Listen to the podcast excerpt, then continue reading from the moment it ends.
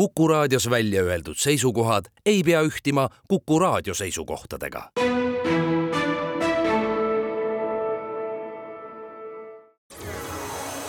loodusajakiri, vaata ka looduseajakiri.ee. tere, ilusat reede õhtut teile, head Kuku raadio kuulajad selle aasta viimases Loodusajakirja saates on külas Tallinna Ülikooli Eesti Demograafia Keskuse vanemteadur ja Tartu Ülikooli uuem ajaloo külalisprofessor Martin Kleesmet, tervist! tere! mina olen saatejuht Tiia Rööp. palusin Martini saatesse külla ajakirja Horisont kuuenda numbri kaane loo pärast, mis annab ülevaate nüüdse aja rahvastiku kasvust ja kahanemisest küsimus, millega meie vestlust alustaksin, see on nüüd küll nii suur ja üldine, et võib-olla rohkem küsimusi ma esitada ei saagi, sest saateaeg saab ennem otsa. me oleme praegu selles seisus, kus me räägime sellest, et ähm, järjest vähem sünnib lapsi ja me oleme selle pärast mures ja me otsime põhjuseid võib-olla käesolevast aastast, võib-olla viimasest kümnest aastast. kui kaugelt me peaksime ajaloost neid põhjuseid otsima ja mis need põhjused on? Jah, see on väga hea küsimus eh, ja rahvastikuteadlased eh, kindlasti ütleksid selle peale seda, et eh, me peaksime vaatama tagasi ikka päris, päris mitu inimpõlve. kolmsada aastat oleks päris hea perspektiiv juba, sest siis me nagu näeksime seda, et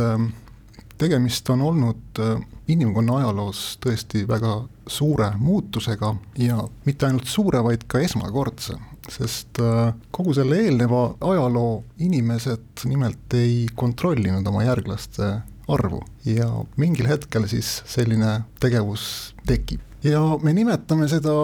rahvastikuteadlaste seas sündimuskontrolliks. eks ta kuskil üheksateistkümnenda sajandi algusest äh, Euroopas hakkab tekkima ja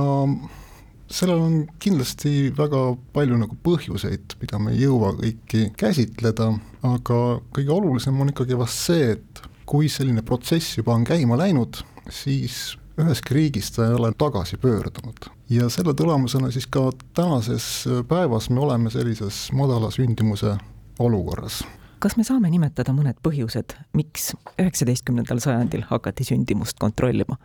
Varasemal perioodil sündimus oli mingis mõttes kõrgel tasemel võrreldes sellega, kus me oleme tänapäeval. ja kõrgemal tasemel oli ta sellepärast, et äh, inimesed tänapäeva mõistes ei tegelenud pere planeerimisega. Nad ei plaaninud laste arvu, ka enamasti ei kontrollinud seda, kui suur vanusevahe peaks olema erinevatel lastel ja miks see nii oli, seda võib muidugi otsida ühiskonna teistest äh, aspektidest, aga ma arvan, et kõige kiirem ja lihtsam iseloomustamaks seda varasemat perioodi ja samuti, miks see suur muutus ehk sündimuse langus siis aset leiab, on võib-olla kasutada ühe demograafi Ansley Cowley välja toodud rusikareeglit, mis tingimused on vajalikud, et inimesed hakkaksid oma järglaste arvu kontrollima ja sündimuslanguse üheks eeltingimuseks siis Ansley Cole seab selle, et äh, esiteks peab see olema inimestele kasulik ja me võime siin kõigepealt silmas pidada siis majanduslikku kasu, sest kui me mõtleme näiteks äh, agraarühiskonna peale, siis iga laps äh, muutub suhteliselt kiiresti tööjõuks, niipea kui ta on võimeline juba midagi tegema. ja niikaua, kui on kasulik omada võimalikult suurt pere, niikaua puudub ka inimestel motivatsioon oma järglaste arvu piirata. teine tingimus on see, et inimestel peab olema teadmine selle kohta, kuidas laste saamisest hoiduda. primitiivsemad meetodid olid olemas ka traditsioonilises ühiskonnas, aga oluline ongi see, et isegi kui see teadmine oli olemas, siis seda ei kasutatud, kui see ei olnud kasulik selles mõttes nii-öelda ühest tingimusest ei piisa, vaid peab olema mitu tingimust täidetud. ja nüüd me oleme kaks tükki ära nimetanud, ja kui ma sellest majanduslikust tingimusest rääkisin, nii-öelda kasust, siis laste suur arv muutub mingis mõttes vähem kasulikuks äh, tänapäevases ühiskonnas, kus nad ei ole automaatselt äh, tulu toovad perekonnale, vaid nemad hakkavad moodustama siis sellist kuluartiklit. Neid peab harima, nende eest peab hoolitsema pikemat aega. kolmas tingimus kolmas tingimus on võib-olla nendest äh, kõigist äh, olulisem selles mõttes, et see on nii-öelda selline kultuuriline pool. väga tihti püütakse nagu sellist majanduslikku tingimust või eeldust sündimuse languse puhul seada kuidagi esiplaanile, öelda, et noh, et kõik see toimus sellepärast, et inimestele oligi see kasulik ja kuna toimus äh, majanduse areng, industrialiseerimine, haridust hakati järjest rohkem ja rohkem andma, et siis suured pered ei olnud enam inimestele kasulikud ja see iseenesest lükkaski neid otsustama oma laste arvu piirata. aga Ansley Cole'i kolmas tingimus on siis selline, et laste arvu piiramine peab olema ka ühiskondlikult aktsepteeritav. ja selle all me tavaliselt peame ka mitut asja silmas me võime seda nimetada kultuuriks, aga võib-olla natukene täpsem on rääkida ühiskondlikest normidest ja tavadest, et äh, kui laste arvu piiramine perekonnas oleks ühiskondlikult taunitud, siis see samuti tähendaks, et inimesed ei hakkaks sellist käitumist omaks võtma. ühiskondliku aktsepteerimise juures võib ju nimetada ka seda, et kui mõned rahvastikurühmad juba võtavad uue käitumise omaks, siis see võib levida siis ka teistesse rühmadesse, kes nii-öelda õpivad nagu nende eelkäijate pealt seda, et võib-olla nii ongi kasulik teha, et võib-olla see ongi selline parem tegutsemisvorm, parem viis muutuvates tingimustes toime tulla, aga mida ma ei ole muidugi siiamaani siin veel maininud, on see, et kõike seda protsessi saadab ka see, et inimeste suremus, ehk siis äh, võimalus, et nad väga noores eas ära surevad või siis äh, et nad ei ela täiskasvanueani, see hakkab järjest vähenema, kuna järjest rohkem ja rohkem siis lapsi jääb ellu kuni täiskasvanueani või isegi vanema eani, siis ähm, see samuti tõenäoliselt saadab teatava signaali vanematele, et nad ei pea kasutama iga võimalust veel üks laps saada ma arvan, et selle nii-öelda sündimuse vähenemise põhjuste kirjeldamine ongi üks keerulisemaid asju, sest ähm, kui me rahvastikuteadlaste keeles räägime sündimusest kui protsessist ja sündimuse langusest kui sellisest protsessist, mis kestab aastakümneid, siis see protsess iseenesest koosneb ikkagi inimeste endi tegevusest ja see, et nad mingil hetkel hakkavad otsustama, et äh, nad äh, saavad äh, viie lapse asemel kolm. või üldse tekib selline mõte sellest, et äh, perekonna suurus ei ole midagi sellist, mis on jumalast antud, vaid see on pigem vanemate enda otsustada kõik need asjad nagu siis kokku annavad selle, et demograafilise ülemineku käigus keskmine laste arv langeb mõnel juhul isegi mitu korda ja ta langeb alla selle taseme, mis on siis teoreetiliselt vajalik selleks, et rahvastik asendaks ennast pikema perioodi jooksul. sest rahvastiku nii-öelda taaste toimub siis läbi sündide ja, ja surmade ja samuti ka migratsiooni, kui see on olemas. ja kui me nagu nüüd selle seome siis tänase päevaga, siis selline allapoole või siis taastetaseme lähedane sündimuse tase ongi see, mis on siis iseloomustanud seda üleminekujärgset perioodi kus me nagu mõtleme kogu aeg pigem selles kontekstis, et keskmine eluea jooksul saadav laste arv on pigem sellest piirist, mis on taastootmiseks vajalik, pigem natukene madalam. Rahvastikuteadlastelt kindlasti käiakse küsimas ka seda, et mida ometi teha, et sünniks rohkem lapsi. Väga hea küsimus on see. Ja seda on muidugi esitatud erinevates maades juba enne meid. Ja rahvastikuteadlased ka erinevates riikides on uurinud seda, millised siis äh, sellised meetmed, kas siis poliitikameetmed või mingisugused muud äh, tegurid, kuidas need võivad mõjutada inimeste käitumist, just nimelt sündimuskäitumist. ja nende tegurite hulk on iseenesest äh, küllaltki suur, alates inimeste haridusest, nende töötamisest, kuidas nad osalevad tööturul ja see on kahtlemata riikide vahel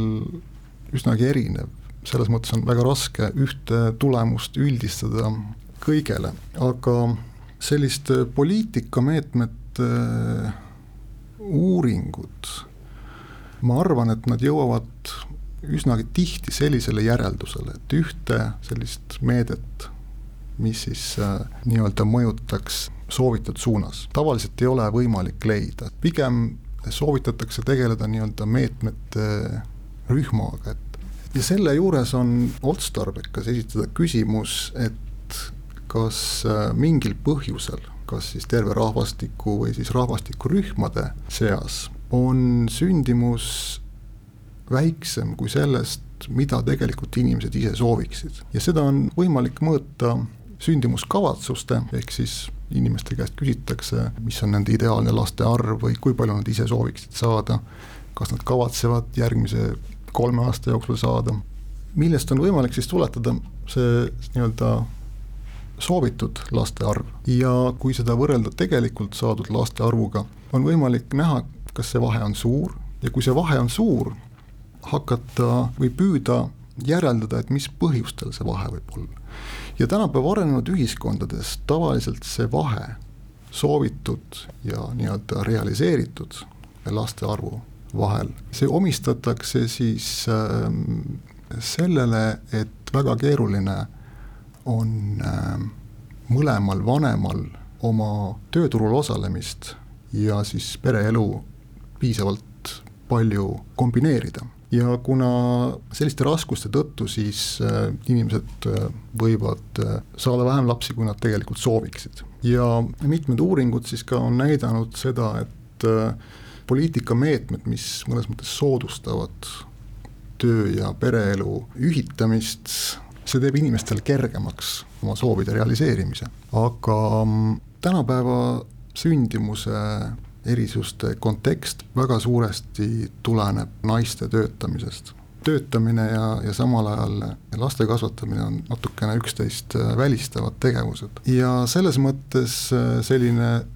soovitud ja realiseeritud laste vahe, seda on nähtud suuremana just nende naiste seas, kellel selline töö- ja pereelu konflikt on nagu siis teistest suurem. ja kui nüüd mõelda, kes siis mingis mõttes rahaliselt kõige rohkem kaotab tänu sellele, et ta jääb lastega koju, siis need on ähm, varem olnud pigem ikkagi kõrgharidusega naised, kelle võime tööturul ennast realiseerida on parem kui keskharidusega või siis äh, madalama haridusega naistel, sama kehtib ka meestel, on ju. aga lihtsalt äh,